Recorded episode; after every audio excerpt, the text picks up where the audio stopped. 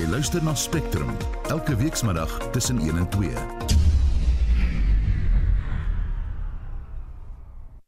Eskom skakel vir nog langer die ligte af. This morning, we have returned four units successfully, but we expect to return to service an additional seven generating units by weekend.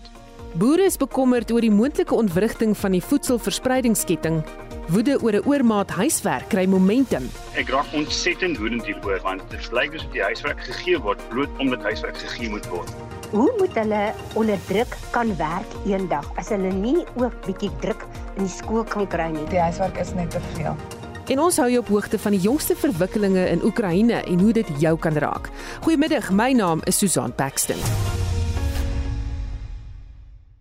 Dis nou 4 minute oor 12. Welkom terug by Spectrum. Eskom moes 3 uur vanoggend sy oop siklus gasturbine aanskakel om die kragnetwerk bestendig te hou. Gevolglik is beerkrag tot maandagooggend 5 uur verleng. Fase 4 geld tot Vrydag wanneer fase 2 in werking sal tree. Eskom se bedryfshoof Jan Oberholz het vroeër verduidelik hoekom dit nodig is. And to supply the evening peak last night, we once had to run again 20 open cycle gas turbines just to get us through the peak. And then I need to add that was together with stage 2 load shedding. This morning at 9:20 uh, our unplanned availability was at 15,334 with the planned unavailability at 5,505.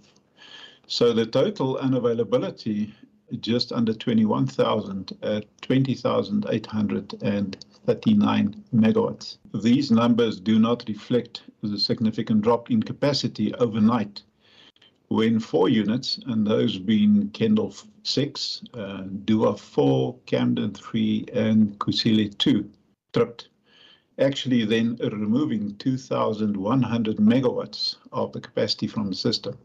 Eskom het sy oop siklus gasturbine vanoggend net na middernag afgeskakel. Skaars 3 ure later moes hulle die dorstige turbines weer aanskakel. We are delivering the last few days 100 tankers of diesel to Ankerlig. So that is every day 100 tankers of diesel. So that is 4 million liters a day. Now, between Ankerlig and Gaurikwa, we are using 9 millions of liters of diesel a day to support the system. Now, at Gaurikwa, we have an advantage because we have a pipeline that is feeding from PetroSA. If you take the 9 million liters and you, you, you do your own calculation, you'll see that we are actually using a lot of uh, finances, uh, money currently to just top up from a emergency point of view the capacity of the system which obviously is not sustainable. Om dit in perspektief te stel, die gemiddelde motor se brandstoftank is 50 liter. Die diesel wat Eskom per dag gebruik, sal 180 000 motors se brandstoftanks kan volmaak. Hoewel die gasturbines duur is om te bedryf, is dit egter noodsaaklik om verdere beurtkrag te vermy. Should we run out of diesel at these power stations, this capacity would not be available to the supply the demand and would necessitate a further three stages of load shedding to be implemented. Our pump storage generation capacity is a little bit less, 2,700 megawatts. And if the dam levels were to be completely depleted, this would require a further three stages of load shedding. Now, the combined effect would be a further six stages of load shedding.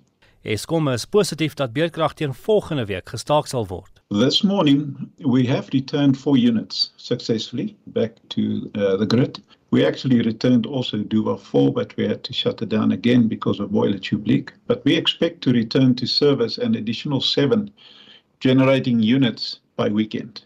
We then also have 16 units that is currently in operation and contributing to the capacity of the country that is running with risks.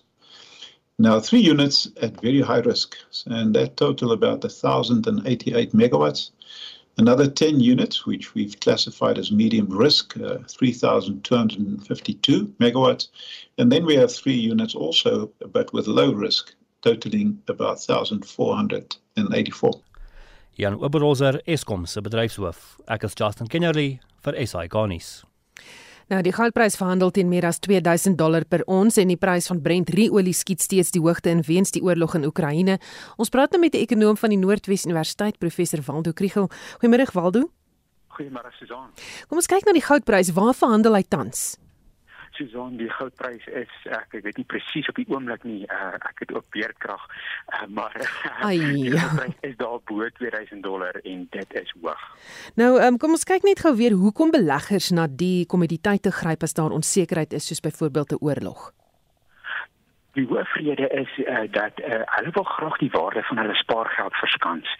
Uh so mense in Rusland koop goud, maar mense oor die wêreld voel as jy ekstra geld het wat rond lê, wil jy dit nou in finansiële instrumente hê uh, waar die markte volatiel is of eerder in goud wat hulle voel dalk hulle waarde beter behou. En en dit veroorsaak hierdie vraag na goud en en die stygings in die goudprys wat ons sien. Ja. Nou soos jy gesê het, daar is nou beerdkrag reg oor die land. Eskom gebruik diesel om ligte aan te hou.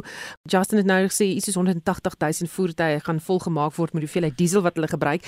Brent ruoliepryse natuurlik nou ook baie baie hoog en ek neem aan jy kan nie lekker sien hoe hoog hy nou is nie. Ook nie. Uh, maar uh, ja ek in hierdie hoë uh, uh, olieprys praat mens van 'n moontlike tussen 2 en 3 rand verhoging van die brandstofprys en dieselprys uh, komende maand. As mens nou dink hulle 9 miljoen liter 'n dag uh, maar hulle betaal nou nie die kleinhandelprys nie maar hulle gaan nog steeds 3 rand per liter meer betaal. Uh, wat ek dink 'n groot impak het op op hulle eie somme en eie begrotings uh, en dan ook op die die tipe verhogings wat hulle uiteindelik weer vir Nersa wil vra Mm -mm. En dan die prys van Brent ruolie oor die algemeen, jy weet wat beïnvloed daardie of wat is die grootste invloed tans op daai prys? onsekerheid is hier is die groot rolspeler. Ons weet die Amerikaners het nou ook energie sanksies ingestel teen Rusland gister, eh, maar daar's eintlik 'n baie klein deel van van hulle ruolie wat eintlik van Rusland afkom. Eh, Dit daar's eintlik wat interessant is en aan die gang is is dat baie maatskappye pas half self sensuur toe. Uh, en daar was in die afgelope week gevalle waar die russe van hulle olie uh, teen 'n afslag moes op die mark beskikbaar stel want daar was nie kopers nie. Dit was selfs nog voor daar sanksies teen daardie olie was. Wou westerse maatskappye eerder nie by Rusland koop nie. So daardie druk op die aanbod is wat die pryse so hoog maak ek, ek dink die die gerugte wat mens sien van van baie hoër oliepryse en R40 'n liter brandstof en so dit is op die oomblik nog nog uh, baie ver van ons af en redelik oordryf. Hm. Ehm um, so jy voorsien nie dat hierdie pryse sake gaan vir ons bemoeilik en ons miskien verder in die donker dompel nie. Ek hoop nie so nie. Ek ek dink wel hm. baie druk op Eskom, verseker druk op die verbruiker uh maar maar daarom kom per se in realistiese verhogings. Daar gister was daar baie op die internet gesê oor oor superhoë pryse.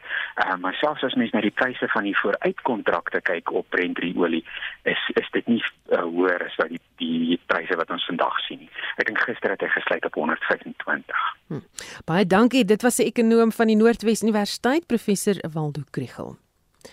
Die onafhanklike onderwyskonsultant Dr. Fransja Nudee het gister aan Spectrum gesê ouers het dalk 'n punt B dat daar te veel huiswerk aan kinders gegee word. Nou sê dit dienstroom luisteraars se opinies oor die kwessie in. Hier is van die stemnotas wat ons in die verband ontvang het. Andries van Woester. Ek raak ontsettend woedend hieroor want dit blyk asof die huiswerk gegee word bloot omdat huiswerk gegee moet word. My kinders begin stres, somatiese pynne, maagpyn, alles omdat hulle die onderwyser probeer tevrede stel en dus dan probeer om huiswerk te doen. Maar dit is so baie. Jy kom 5 uur half 6 eers by die huis en dan moet jy nog jou huiswerk doen tussen al jou ander take. Wat staan ons te doen om vir die skool te ooreed dat hierdie praktyk net onaanvaarbaar is? 'n Kind leer verantwoordelikheid wanneer hy huiswerk kry.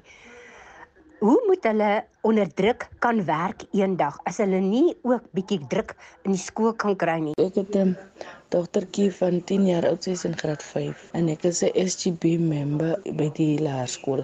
Ek het 'n roostertjie opgestel wat as sy 2 uur uitkom van 2 uur tot so laat gaan sy rus, van so laat tot so laat gaan sy tuiswerk doen en daarna kan sy gaan speel. Ek is 'n arbeidsterapeut van 'n normale ontwikkelingsperspektief. Kla die ouers en die pasiënte verskriklik want die huiswerk is net te veel. As jy net gaan kyk byvoorbeeld na die ontwikkelingsnorm, hoef ons nie eers te verwag van kinders wat so jonk is, so graad 1, 2, 3 en 4 om so lank stil te sit op een slag en 'n tweedimensionele aktiwiteit te doen nie. ek is self 'n onderwyser. Ek dink as die departementshoof van die skool en die skoolhoof en die akademiese hoof van die skool uh, saam sit om 'n tafel om 'n plan uit te werk om te sê op spesifieke dae is daar spesifieke vakke met spesifieke huiswerk. Maandag byvoorbeeld jou huistaal saam met 'n minder belangrike vak indien daar huiswerk is en dan op 'n Dinsdag weer 'n wiskunde met 'n nie belangrike vak. Ek het ondervind dat die syllabus van byvoorbeeld die graad 2's so verskrik vol is en dat die juffrou jaag met 'n verskriklike pas deur die syllabus om dit klaar te maak. En dan sit jy in graad 4 met 'n kind wat nie kan behoorlik spel nie want die klanke is nie vasgelê nie en jy sit met 'n kind wat nie behoorlik kan lees nie. Ek stem saam dat daar te veel huiswerk is. Maar as jy nou ook kyk na die klasgroottes van 35, 38, 40 leerders in 'n klas, miskien moet ons daarna begin kyk om langer skoolure te hê. Nou dis van ons luisteraars se mening oor die kwessie van te veel huiswerk op skoolvlak. Jy kan nog steeds saamgesels daaroor as jy wil. Ek sien iemand anders uh, van Alberton het oor 'n ander kwessie begin gesels en gesê het iemand al ondersoek ingestel waarom of net besef dat opwekkingseenhede by verskeie kragstasies op dieselfde dag um, ontklaar raak. Dit uh, kan of moet sabotasie wees hierdie persoon. So as jy oor enigiets wil saamgesels oor die stories, is jy welkom. So uh, gesels nog saam as jy lus het, maar ons bly by die kwessie van huiswerk en vir sy mening oor die onderwerp praat ons nou met uit die die uitvoerende direkteur van Naptosa Basil Manuel. Goeiemiddag Basil. Goeiemiddag. Plesier om weer met julle te wees. Sê vir my sê my saam dat leerders te veel huiswerk op skoolvlak kry.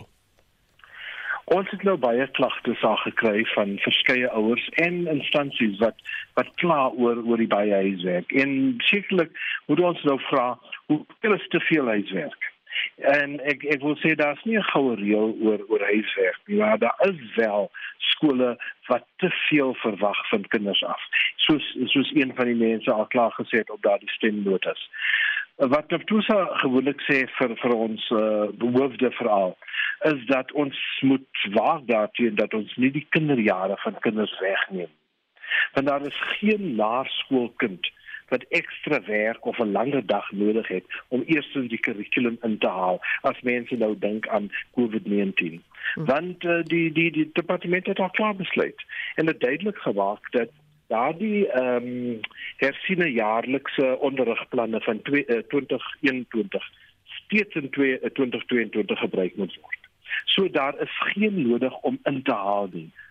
Uh want ons moet onthou, baie van die daardie dinge wat ons so graag wil inhaal, waarskynlik uit film geneem gaan word omdat dit verouderd is en dat daar nuwe 21ste eeuse vaardighede in die kurrikulum ingebring gaan word want dit is nou die tyd om dit te doen. En daardie uh, word dit word nou al gedoen.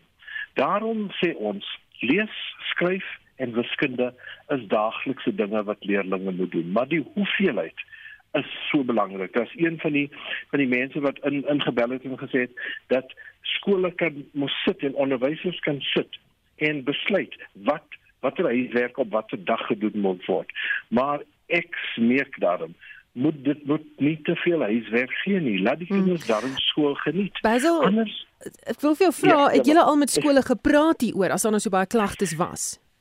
Ons het nou uh, veral in in 'n hele paar provinsies met hoofde gepraat hieroor om te sê waar daarteen dat daar te veel gegee word. En nou moet ons dink aan die ouers wat nie daar is nie, wat uh, baie keer laat by die huis aankom en huishoudings wat nie elektrisiteit het nie of nie 'n plek het om te werk. Wat doen daardie kinders? En dis 'n groot probleem. En daar daar's baie ouers wat nou moeg van die werk af kom en dan het hulle nie tyd hiervoor nie en dan byt hulle die arme kind se kop af as die kind nou hulp soek. En dis dis 'n groter probleem dan om nie huiswerk te gee nie. Mm. Ek sien 'n luisteraar het nou net vir 'n SMS gestuur en gesê toe ek onderwys gegee het was die riglyn 'n halfuur per graad en die huiswerk vir graad 1s en 2s nie. Dink jy dis 'n goeie riglyn? Ek dink werkende riglyn. Al kan al verleng jy daardie tyd na en, en, en jy sê vir die tale gee 'n uur en op 'n sekere dag moet die tale gedoen word en moet wiskunde gedoen word. Want ons weet die die die min vaardighede wat 'n kind nodig het om deur die skool te gaan, is om te kan skryf, om te kan lees en om wiskunde te doen. En as jy dit primêre skool doen, dan doen jy mense oorlaai die kinders onnodiglik. Hmm. En dan, jy weet, hoeveel kinders in minder gegoede areas waar oorvol klasse is, swak infrastruktuur en gebrekkige hulpbronne aan die orde van die dag is geraak deur te veel huiswerk.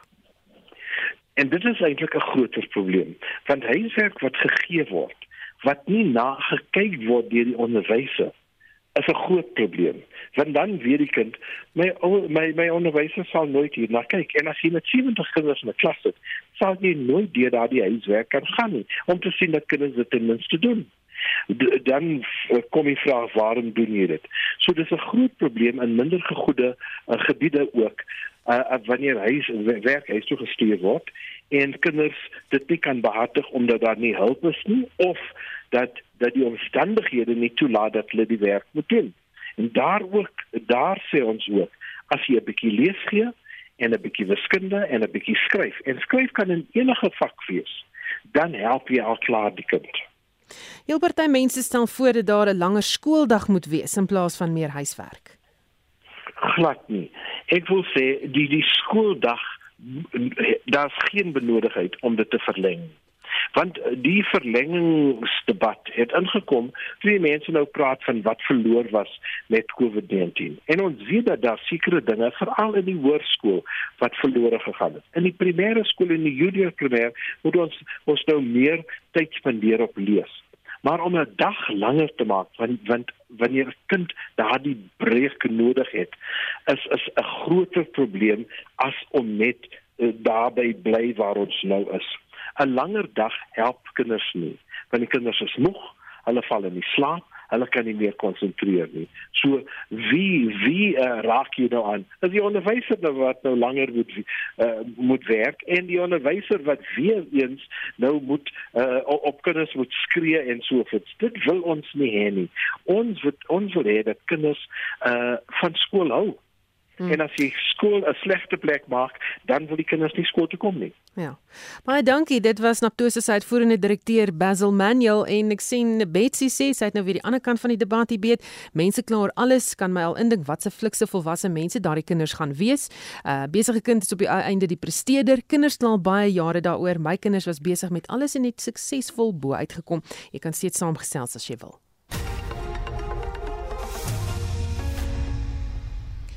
1221 en jy luister na Spectrum, 'n groep verteenwoordigers van die Wes-Kaapse landbousektor het maandag vergader oor die impak van die oorlog tussen Rusland en Oekraïne.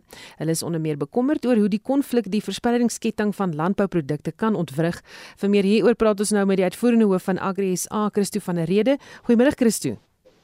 Middag Suzanne en middag aan al die luisteraars. Wie was verteenwoordig by maandag se vergadering en wat is presies bespreek? Agri Weskaap was teenwoordig as ook uh, van die sagte vrugte bedryf verteenwoordigers en uh, hulle het uh, in gesprek getree met die minister van uh, landbou uh, of ja die LER vir landbou in die Weskaap. Ehm um, en ek dink die gesprek het hoofsaaklik gefokus op uh een uh hoe kry ons die vrugte uit uit Suid-Afrika uit want ons sit met groot uitdagings in die Kaapse hawe. Uh daar is probleme moet aangespreek word en dan tweedens uh uh, uh indien hierdie oorlog voortduur beteken dit dat ons nie ons vrugte sal kan land in uh Rusland en Oekraïne nie. Onthou Suid-Afrika voer so wat 5,5 miljoen uh kartonne uh, uh pere en en appels uit na daai lande en dan lê die sitrusse seisoen ook voor en dit moet ook gaan na Rusland. Ek dink hulle voer so 11 miljoen kartonne uit uh, uh want op die oomblik ervaar die wêreld verskriklike logistieke uitdagings uh, van daai hawens uh jy weet as gevolg van die oorlog is glad nie operasioneel nie. So dit was maar die aard van die gesprek. So daar word berig dat bergingskoste en gehalte van landbouprodukte deur die konflik beïnvloed sal word. Inderdaad. Uh, uh die eerste ding wat jy moet onthou is indien daai vrugte nie kan geland word in uh Rusland of in ehm ehm uh, die Oekraïne nie uh, beteken dit ons moet of ander markte gaan soek uh, of ons moet die uh, vrugte langer hou uh, jy weet in die uh, uh, koue uh, kettingstore en dit op sigself uh, beteken dit dat uh, die koste dan uh, verhoog in die proses. Die ander groot probleem is natuurlik hoe kry jy jou geld? Uh indien jy die vrugte uh byvoorbeeld land in 'n land soos Rusland as gevolg van die sanksies uh is die internasionale uh geldstelsels die SWIFT-stelsel uh dit is nie tot die beskikking van die Russe nie. Uh so dit hou ook 'n groot risiko in vir die hele landbousektor. Is voedselsekerheid ingedrang op hierdie stadium? nie noodwendig uh, in die geval van Suid-Afrika nie. Ons is redelik selfversorgend. Ons produseer ons mielies. Ons voer maar so 30% van koring uh in van af uh, die Oekraïne en van Rusland. Uh, in die Weskaap word groot uh, hoeveelhede koring geproduseer. Die groot probleem natuurlik is die koste van uh die produkte. Uh inflasie is voedselinflasie het reeds toegeneem so 'n paar maande gelede en ons weet dat indien die petrolprys styg, dieselprys styg en die insetkoste van die boere styg, dan kan ons seker wees dat uh, die koste van produkte ook gaan styg en dit gaan dinge moeilik maak vir alle Suid-Afrikaners vorentoe. Hmm. Wat is hierdie ripple effek, uh, jy weet, op die res van die wêreld? Hoe gaan dit gewone Suid-Afrikaner kan raak? Met ander woorde, miskien 'n tekort aan koring en dan styg broodpryse. Inderdaad. Uh, nou soos ek reeds genoem het, Suid-Afrika redelik selfversorgend, maar ons moet nou die uh, koring wat ons uh, die invoere wat ons verloor as gevolg van die oorlog in Rusland en die Oekraïne, ons sal nou die uh, uh, koring moet gaan invoer van Australië as ook uh, van op ander uh, lande, uh, selfs Poland en ook uh, Noord-Amerika. Uh en uh die groot uitdaging is uh, dis 'n basiese ekonomiese beginsel as daar 'n skaarste aan 'n produk is wat gebeur die uh, produk se prys begin styg. En dit is presies wat nou aan die gebeur is met koring. Ons sien 'n reeds styging in die internasionale prys van koring, soos reeds van die altyd die uh, dieselpryse styg, uh, petrolpryse styg, maar 'n ander groot probleem is Rusland is ook 'n groot verskaffer van uh, kunsmis. Uh, uh en ons sien geweldige stygings in die prys van kunsmis. En dit plaas die boere se winsmarges onder druk wat dan oorspoel na die res van die waardeketting en dit is uiteindelik die uh, uh verbruiker wat die prys gaan betaal vir dit. Baie dankie, dit was Agres Alsait voerende hoof Christo van der Rede. Sakevertroue het in die 4de kwartaal van 2021 onveranderd gebly, maar het gestyg in die eerste kwartaal van 2022.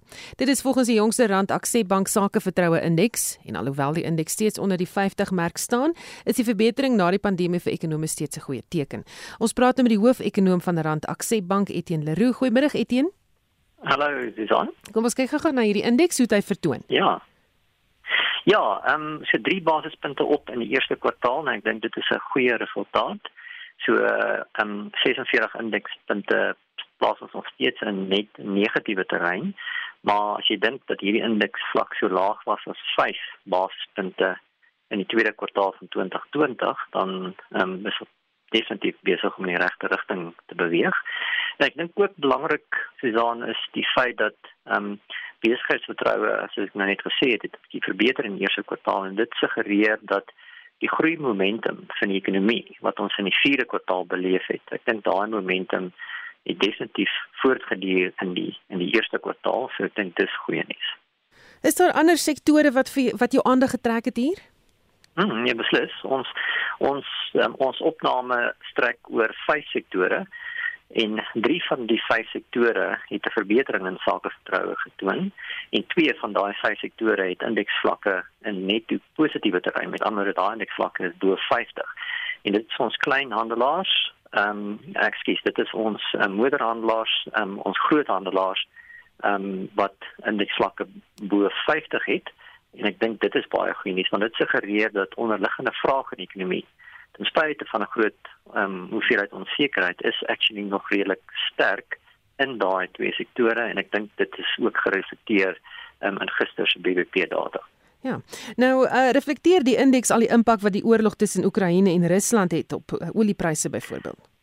Nee, dit is die groot voetnota van vandag se resultate. So die veldwerk wat ons gedoen het um, om hierdie resultate te bepaal is gedoen tussen 9 en 28 Februarie. En ons weet almal die eerste wel letterlik die eerste bomme het begin val in Oekraïne op die 24ste van Februarie. Met ander woorde, as ons ons veldwerk 2, 3 weke later gedoen het, dan sou vandag se resultate heel waarskynlik um, anders gelyk het. Want ons moet almal besef wat in die Oekraïne gebeur is 'n groot stagflasionêre skok, nie net vir die wêreldekonomie nie, maar ook beslis um, vir die Suid-Afrikaanse ekonomie. Um, en dit is definitief um, um, 'n negatiewe in die sin dat dit onsekerheid dramaties verhoog het net letterlik in die paar laaste paar dae. Ja, ek wil vir jou vra as jy die toekoms nou moet inkyk, wat dink jy sal die langtermyn impak wees op sakevertroue en die ekonomie hier as geheel?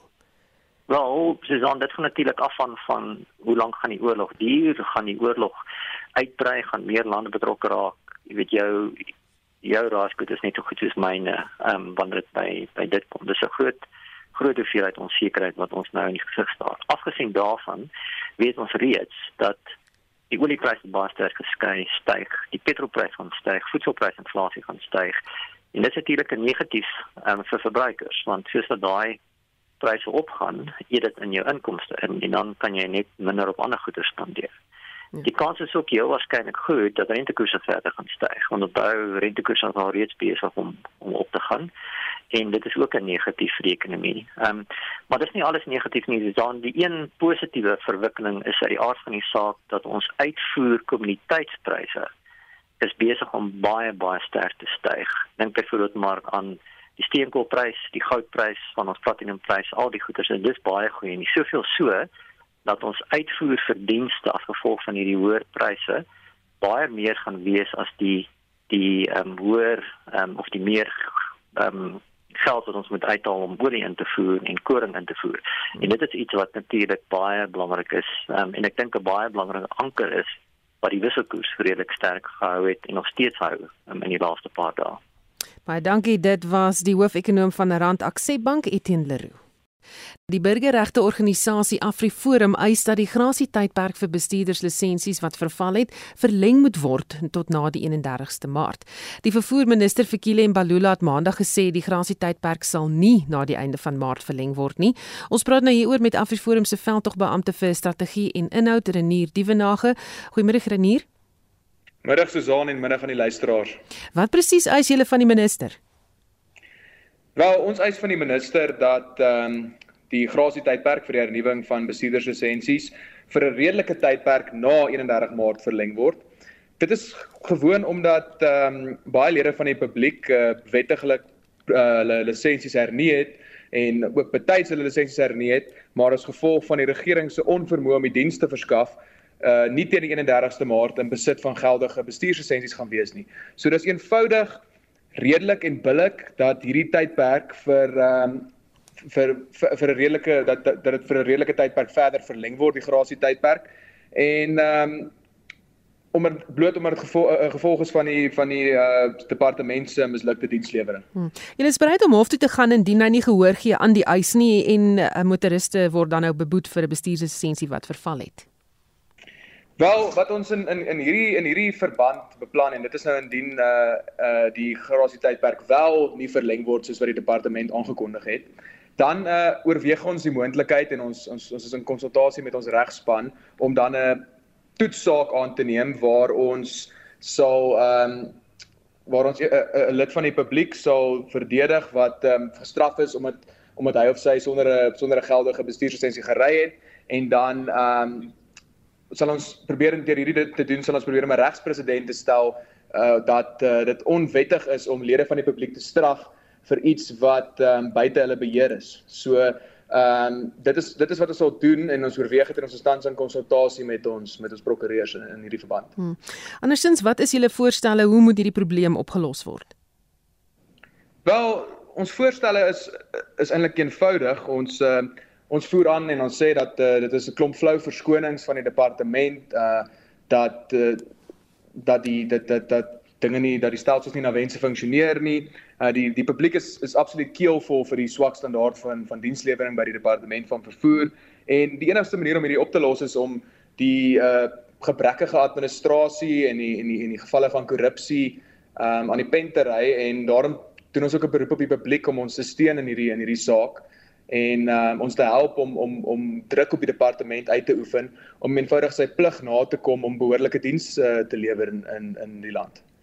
Afriforum het ook onlangs 'n klag by die openbare beskermer ingedien oor beweerde korrupsie en wanadministrasie by 'n toetsentrum. Waarmee het dit verband? Wel Susan, um, ons het uh, dit onder ons aandag kom in September 2021 dat daar grootskaalse korrupsie en wanadministrasie by die departement van vervoer plaasvind. Dit um, ons het toe uh, in hierdie verband 'n klag, 'n formele klag by die kantoor van die openbare beskermer ingedien en die openbare beskermer het uh, het uh, bevestig dat die klag ondersoek word en uh, wat AfriForum ook toe verder gedoen het is ons het toe geheime beeldmateriaal opgeneem by die Watloo toetsentrum wat duidelik en hooglopend korrupte praktyke bloot lê en hierdie bewysmateriaal is ook verder aan die openbare beskermer gestuur. So AfriForum is werklik aan die voorpunt van hierdie geveg teen uh, die departement van vervoer se verskriklike verskrik, verskriklike swak gehalte van dienslewering. En uh, ons gaan aanhou om hierdie om hierdie stryd te veg. En uh, ja, ons hoop dat hierdie dat hierdie brief wat ons gaan stuur aan die prokureursbrief aan die departement van vervoer uh, suksesvol gaan wees. Baie dankie het gepraat met AfriForum se veldtogbeampte vir strategie en inhoud Renier van Dievenage. Die Gauteng ALR vir Finansies, Nomantu Nkomo Ralehoko het kort tevore haar begrotingsrede vir die provinsie bekend gemaak. Van die onderwerpe waarvoor ekonome op die uitkyk was, is werkskepping, behuising, gesondheidsorg, onderwys en infrastruktuurontwikkeling. Die ekonom Ulrich Huber het die begroting gevolg. Ons praat nou met hom. Goeiemiddag Ulrich. Goeiemiddag Susan. Jou eerste indrukke van die begrotingsrede? Nou, jy het nou genoem uh, al die dinge waarna ons nou opgelet het en dit is oral aangeraak deur die LR. Ehm um, 'n mens moet altyd onthou 'n provinsiale begroting staan in die lig van uh, wat die sentrale regering bewillig vir provinsies en ons weet dat uh, baie van die provinsies is onder druk uh, dat die toewysing van staatsgeld na die provinsies is is beperk of word beperk So hulle moet baie mooi en netjies kyk na hulle begroting, so hoe hulle eerstens dit uh administreer en tweedens waar hulle nog bykomende fondse kan in en ons weet nou byvoorbeeld motorlisensies en dubbellisensies ensovoorts dis uh, van die uh areas waar hulle dan kyk vir bykomende inkomste. Nou Gauteng is die ekonomiese hartklop van Suid-Afrika en hmm. miskien die vasteland. Is die begroting genoeg om die wiele aan die draai te kry? Ek wil net sê ons hoop so. Uh, wat as ek nou kyk na die situasie en sê ons ja, jy weet dat 5,2 miljard vir onderwys uh, allokeer, nou as jy 1,1 miljard vir die gesondheidsdepartement uh, toegewys daar is 'n um, bedrag toegewys aan die uh Tony uh, motors uh, um, ontwikkelingszone um, en daar is ook weer geld toegewys vir uh, jeugontwikkeling en die indiensneming van van die jeug. Om dit werklik die ekonomie van Gauteng um, aan aan die brand gaan skop en aan die woema gaan kry, sal ons moet sien, maar uiteindelik ons kan baie van hierdie fondse allokeer. Die LR het gesê dat so dikwels word daar al die fondse nie gespandeer nie. So ons moet kyk hoe word hierdie fondse geadministreer en uiteindelik tot op grondvlak deurgevoer om dan die ekonomie regtig aan die gang te kry. Hm. En het jy vertroue in die provinsiale regering om te kan hou by hierdie begroting?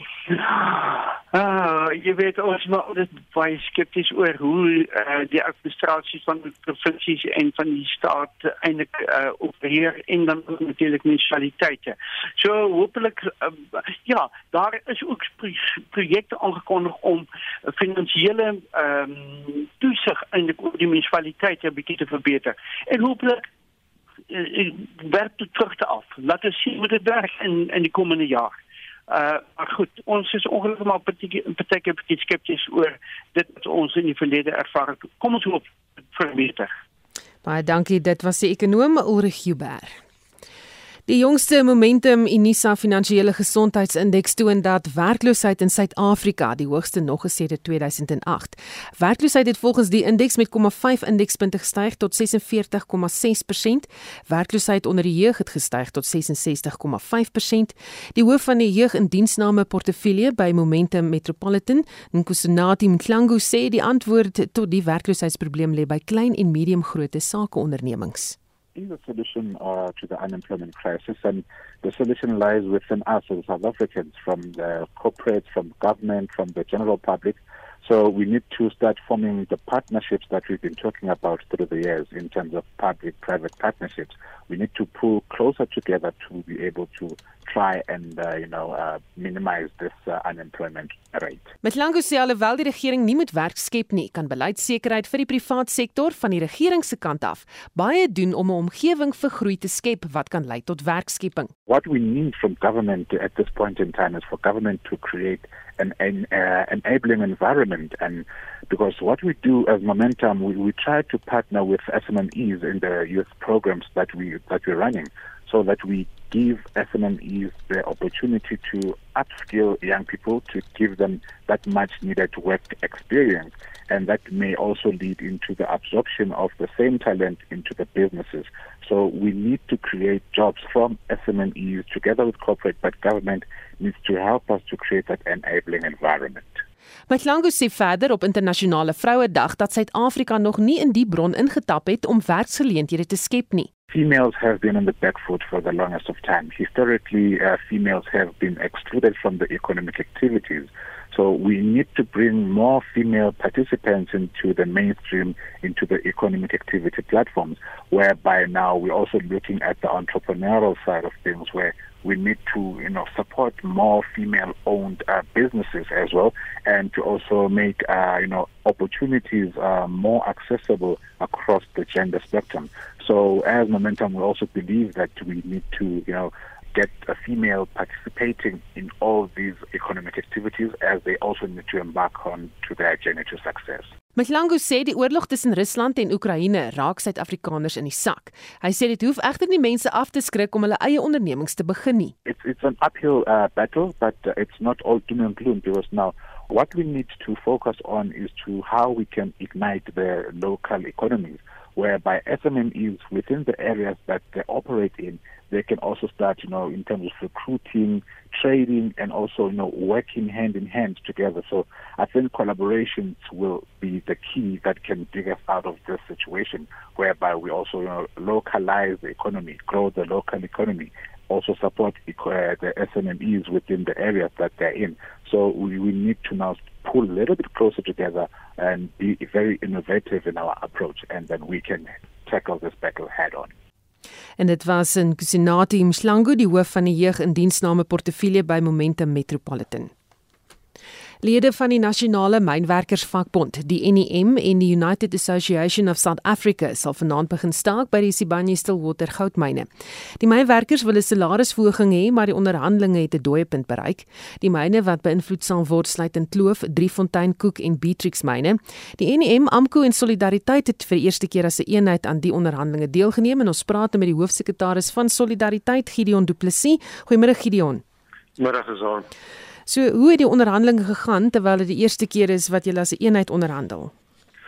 Ja, dis al ons het as 'n eenheid begin, maar dit was maar 'n informele reëling gewees en toe op die 4de Februarie was die finale aanbod gemaak waar vaardige werknemers aanbod gekry het van 'n 5% verhoging vir die volgende 3 jaar en die intreevlak uh, werkers tussen aanbod van tussen 5 en 6% afhangend van 'n posvlak. En op daai stadium het solidariteit toe weggetree en ons het die aanbod aanvaar en die ander twee vakbonde het dit nou nie aanvaar nie met die gevolg is dat hulle vanaand gaan wys gaan staak. Maar uh, gisterand het ehm um, Sibanye Stillwater 'n kennisgewing 'n sogenaamde lockout in Afrikaans is dit 'n uh, uitsluitingskennisgewing op ons bedien om te sê maar ehm um, die feit dat solidariteit aanvaar het ehm um, beteken nie dat daar ooreenkomste is nie dat ehm um, daar gaan slegte ooreenkomste wees as Amko en Enyo en dit aanvaar het. So, ons is nou op pad hof toe om met interdik te kry om dit ons dit aanvaar het, maar intussen is die spanningsvlakke wel baie hoog op die werksplek vlak en die geweld en intimidasie het al begin toeneem en ophou tot vanaand se staking. Hmm. So behalwe vir die hofsaak, wat anders doen julle dan nou in terme van julle lede en om hulle veilig te hou? Nou dit is die die ehm um, groot uitdaging want eerstens moet baie van ons lede wat hulle vaardige werkers is met hulle noodsaaklike dienste lewer wat beteken so water moet uitgepomp word, dan moet ventilasieskagte, uh, ventilasie moet steeds uh, voortgaan en daar sekere instandhouding wat gedoen moet word. So ons lede is doodgestel so die myn het aan die een kant voorsiening gemaak dat van die werkers maar binne die myn ondergronds uh, slaap solank uh, dit dit dit menslik moontlik is Ehm um, maar uh, dit beteken maar net uh, daar gaan in elk geval 'n groot blootstelling wees in terme van veiligheid vir die werkers wat wel wil opdaag om te werk. So dis 'n mate bedek te sien dat ons uitgesluit is, maar dit beteken geen werk geen betaling en dit is uiteraard waar teen ons nou vaskom. Baie dankie, dit was die hoofsekretaris van Solidariteit Gideon Du Plessis. Die onafhanklike kommunikasieowerheid, Okosa se veilingproses vir die breëband spektrum het gister begin. Dit gaan na verwagting lei tot meer van die verbindings in Suid-Afrika wat gevolglik goedkoper data kan beteken. En vir sy mening praat ons nou met die hoofekonoom van die Efficient Groep, Dawie Rood. Goeiemôre Dawie. Goeiemôre. So belangrik is toegang tot die internet in die huidige ekonomiese omgewing. Ja, sonder enige twyfel. Ek dink die mense besef hoe belangrik dit is nie. Jy weet, om die waarheid te sê, uh, as mens kyk na die ekonomie en hoe die ekonomie die afgelope tyd ontwikkel het, dan die belangrikste deel in die ekonomie is daai tersiêre gedeelte. En die tersiêre gedeelte van die ekonomie bestaan hoofsaaklik uit uit dienste wat gelewer word en 'n baie groot gedeelte daarvan is die digitale ekonomie. En ook as mens kyk in terme van ekonomiese groei, is dit waar die meeste ekonomiese groei in die meeste lande in die wêreld insluitende Suid-Afrika plaasvind. So daai digitale gedeelte van die ekonomie is baie belangrik en dit word al hoe meer belangrik. Om die waarheid te sê, jy weet uh, as ons staan en net terugdink 'n jaar terug, het binne bittermin van ons gehoor van die woord Zoom. En vandag is almal experts op Zoom. Mense werk van die huis af, mense koop op die internet, mense doen bankfees op die internet, al daai goed. En al daai goeders, is dit van van uiterste belang dat ons baie goeie en baie vinnige breëband toegang het wat ons nou hopelik gaan kry. Al die groot uh selfoon maatskappye het gesê luister ons kort meer van hierdie spektrum, dit gaan lei tot werkskepping, gaan dit lei tot werkskepping? Wel, nou nie net menig tot werkskepping nie, maar ek dink dit gaan sekerlik bydra tot tot ekonomiese groei meer aktiwiteite en meer ekonomiese en meer rykdomskepping in Suid-Afrika. Ongelukkig is dit ook so dat Suid-Afrika se werklike groot werkloosheidsprobleem is meer by mense wat relatief omgeskoold is. So wêreldekonomiese groei en Suid-Afrikaanse ekonomiese groei vind wel plaas in 'n digitale dienste tipe van sektore. Meestal, nie altyd nie, maar Suid-Afrika het eintlik meer van die primêre en die sekondêre tipe van werk geleenthede nodig. En selfs daar het ons nie behoorlik opgeleide mense nie. So ek is bevrees ons gaan waarskynlik vind dat meer gekwalifiseerde, meer vaardige mense meer die voordele hier kan kry en daardie mense wat die groot groot meerderheid in die land is wat werkloos is, is ongelukkig het nie noodwendig altyd daardie vaardighede nie. Dit is eintlik meer 'n vingerwysing na na ons opleidingsstelsel in Suid-Afrika op die onderwysstelsel. Hmm. En dan die digitale ruimte waarin hierdie spektrum dan nou funksioneer. Uh, ons nou gepraat oor Eskom, ons gepraat oor beurtkrag, uh, prys van diesel wat toeneem, ons die oorlog wat aan die gang is uh, wat alles beïnvloed. Jy weet, gaan dit 'n impak hê uiteindelik op die toegang tot digitale die digitale ruimte? Ja, jy sê maar reg, wêreldwyd vind ons 'n baie toename in pryse. Uh, ek kan ek net so terloops noem dat die petrolprys moet so tussen 2 en 3 rand uh, die te verder van styg en dit gaan verder bydra tot inflasie. Maar ek dink hierdie breë vinniger toegang tot vinniger breëband gaan ten minste daardie koste begin afneem. Ons het die afgelope tyd al reeds gesien dat toegang tot die internet en toegang tot data die afgelope tyd dramaties goedkoper geword wat uitstekende goeie nuus is uh, vir Suid-Afrika en vir opkomende tipe van lande. Maar oor die algemeen is daar baie ander faktore wat op hierdie stadium die prys druk wêreldwyd laat toeneem.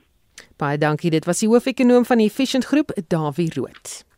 1248 Rusland gaan voort om humanitêre deurgange of sogenaamde groen korridors oop te stel sodat mense in Oekraïne die land kan verlaat. Joan Marie hou dit vir ons dop. Ja, gister het pogings om mense uit die hawe stad Mariupol te ontry misluk. Oekraïne beskuldig Rusland daarvan dat hy nie by die skietstilstand hou nie. Die land se president Volodymyr Zelensky We send convoys with humanitarian help to Mariupol. We send the transport to rescue people. Everyone understands they are heroes, brave people. They understand that Russian army can simply shoot at them, shoot at the convoy en route, as they already killed people that tried to simply come onto the safe territory out of the hostilities area. Nou uh, in uh, Sumy aan die noordooste van Oekraïne is daar egter sedert gister reeds duisende mense na veiligheid geneem. Dis reg ontruimings het in twee fases plaasgevind en duur volgens alle aanduidings vandag voort. Die uitvloei van mense veroorsaak intussen 'n opeenhoping by die Lviv en Poltava spoorwegstasies. In Sumy is huise en geboue platgevee. Een vlugteling vertel aan die BBC dat sy haar ouers in Sumy moes agterlaat.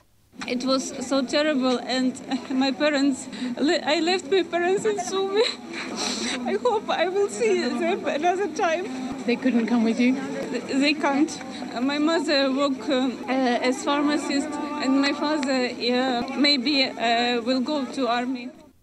Nou in Irpin Noordwes van Oekraïne se hoofstad Kiev blyk dit word daar ook gehoor gegee aan Rusland se wapenstilstand. Dis reg foto's van die eerste vlugtelinge wat gebruik maak van die sogenaamde humanitêre korridor is op die nuusagentskap AFP se Twitterblad gedeel.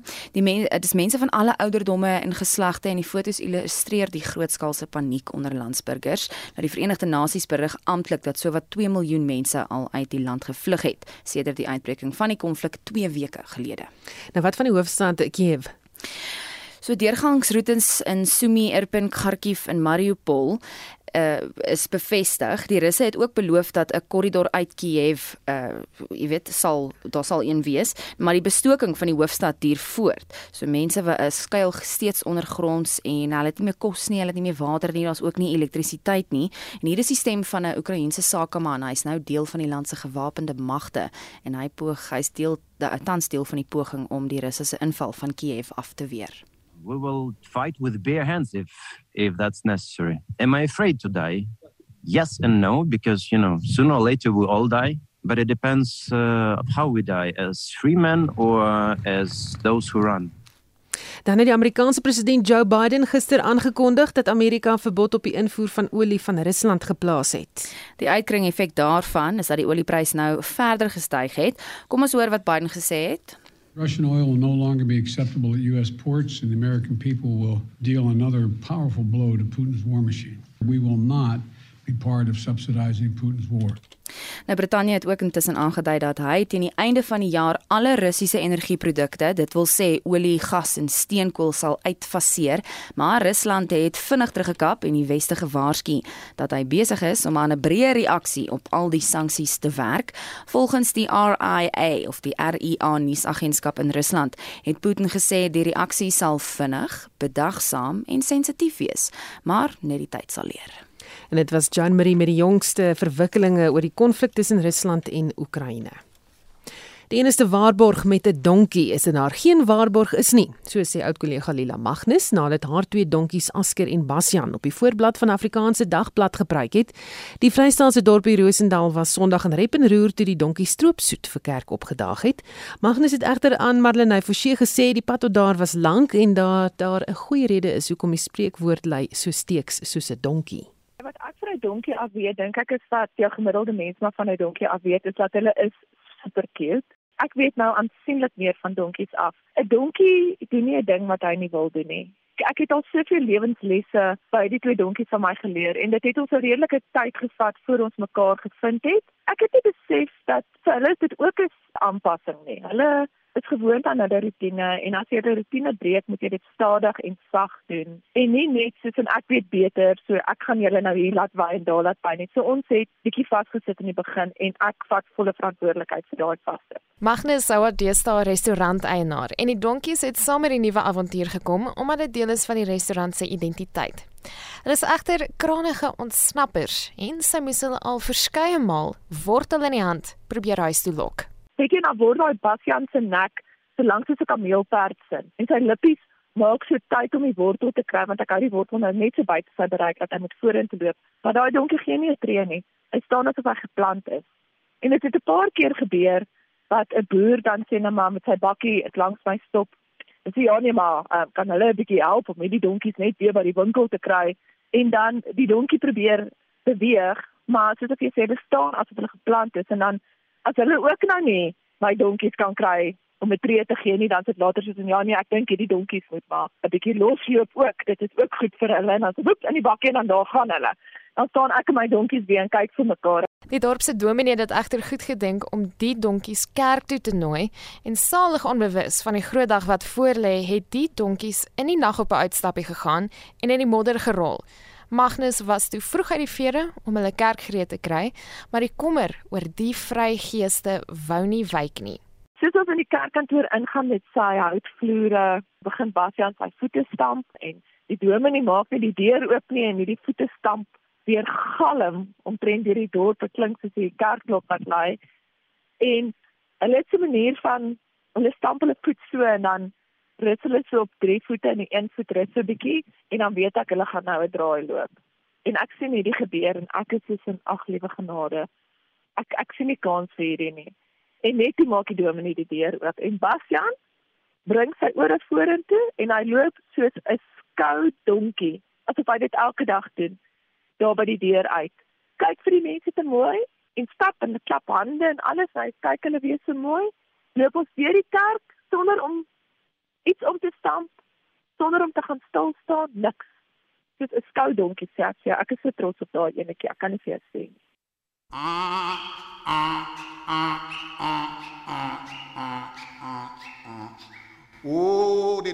Is 'n wonderlike ding. Ja nee, die donkie. So is die donkie. Nou ja, nee, klank daarvan. Chris Blighnout met die donkie se wonderlike ding wat Marlenae Forsie se bydra afgesluit het en ek skat iemand het daar 'n skietgebedjie opgesteek of opgestuur daar wat gehelp het. Is dit vir ons nie sien uh, ontwikkelende stories dopgehou? Ja, Susan, ons begin by Eskom wat verduidelik het hoekom 'n beurtkrag tot fase 4 verhoog moes word en Eskom se bedryfshoof Jan Oberholzer sê die kragrees moes vroeg vanoggend sy oop siklus gasturbine aanskakel om die kragnetwerk bestendig te hou. En Oberholzer sê die syfers sluit nie die kapasiteit in wat Eskom deur die loop van die nag verloor het nie. Op sosiale media trek die hitsmerk Stage 4 ook baie aandag met mense wat praat oor beurtkrag. Die jongste Momentum Unisa Finansiële Gesondheidsindeks toon dat werkloosheid in Suid-Afrika die hoogste nog is sedert 2008. En Statistiek Suid-Afrika maak ook vandag 'n verslag bekend oor armoede in die land en ons praat môreoggend in Monitor met 'n kenner daaroor. En dit gons ook die afgelope 2 dae of kinders dalk te veel huiswerk kry. Ons het die uitvoerende direkteur van die onderwysvakbond Naptosa, Basil Manuel, vir sy opinie hieroor gevra. Baie dankie. Dit was Estie wat vir ons die nuus en ontwikkelende stories dopgehou het. daarmee groet die Spectrum span. My naam is Susan Paxton. Bly geskakel vir 360.